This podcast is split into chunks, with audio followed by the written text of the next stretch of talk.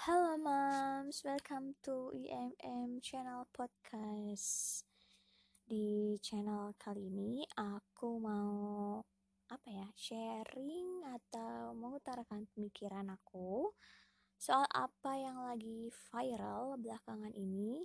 Mungkin moms tahu uh, tren atau apa ya, kejadian viral yang di mana suatu penggemar Korean band itu berbondong-bondong mendatangi sebuah outlet masakan makanan cepat saji terus membeli uh, makanan yang packagingnya itu lagi featuring sama Korean band itu. Aku nggak pengen ngebahas tentang Korean band atau fan girl fanboynya itu tapi aku mau highlight soal beli barang yang khas idola kita. Sebenarnya boleh nggak sih kita sebagai minimalis itu beli barang yang ada khas atau kekhasan idola kita tuh boleh nggak? Menurut mams gimana? Kalau menurut kita nih di Indonesia Minimalis Moms boleh kok boleh. E, meskipun kita udah menerapkan hidup minimalis kita masih boleh untuk membeli barang-barang yang khas idola kita. Tapi ada tapinya.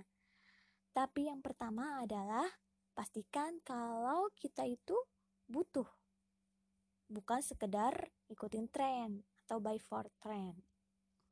Butuhnya itu mungkin uh, disesuaikan sih sama personal masing-masing but alasan butuhnya itu apa gitu. Apakah untuk self reward atau alasan lainnya gitu kan. Meskipun mungkin sebenarnya self reward sendiri itu sebenarnya bukan soal benda ya mams. Lebih ke kenangan quality time gitu ya. Ini kalau menurut kita gitu sebagai pegiat hidup minimalis. Nah tapi yang kedua adalah uh, bijak dan bertanggung jawab. Bijak itu artinya sebelum beli itu benar-benar difikirkan tadi sih masih relate sama poin pertama itu apakah kita butuh terus apakah ada budgetnya atau apakah kalaupun ada budgetnya apakah akan mengganggu kebutuhan premier kita? Kayak gitu. Terus bertanggung jawab. Kalau nanti pada akhirnya kita akan buang barang itu kita bakal ngebuangnya tuh gimana gitu. Dan kalau bisa sih ya jangan sampai kita membuangnya langsung ke TPA tempat pembuangan akhir atau ke TPS tempat pembuangan sampah. Jadi benar-benar kita harus bertanggung jawab.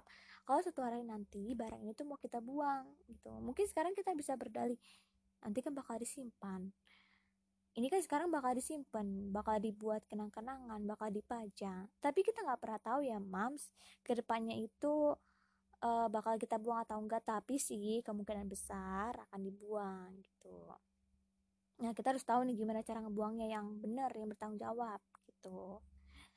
Terus tapi yang ketiga adalah uh, akan lebih bermanfaat sih mams kalau barang yang kita beli itu kita upcycle atau kita recycle. Jadi sesuatu yang lebih berdaya guna, lebih punya nilai guna, lebih bermanfaat gitu.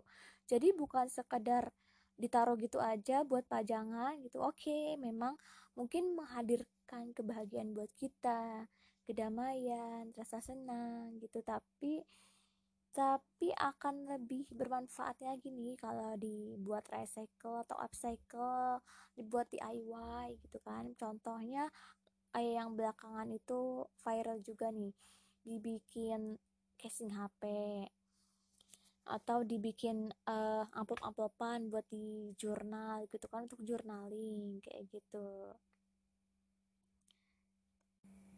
Nah, terus tapi yang ketiga adalah usahakan one in one out. Satu masuk satu keluar. Ini juga yang jadi prinsip dalam hidup minimalis nih mas. Jadi kalau kita mau nambah barang nih usahakan ada barang yang keluar. Tapi keluarnya itu bukan bukan sekedar keluar ya mas. Bukan sekedar buang gitu aja berakhir ke landfill atau tempat pembuangan sampah. Bukan e, keluarnya itu kita perlakukan dengan baik karena dia juga masuk ke rumah kita dengan cara yang baik maka kita harus menyingkirkan atau membuangnya dengan cara yang baik. Dengan mendonasikan dengan menjual dengan menghibahkan kayak gitu.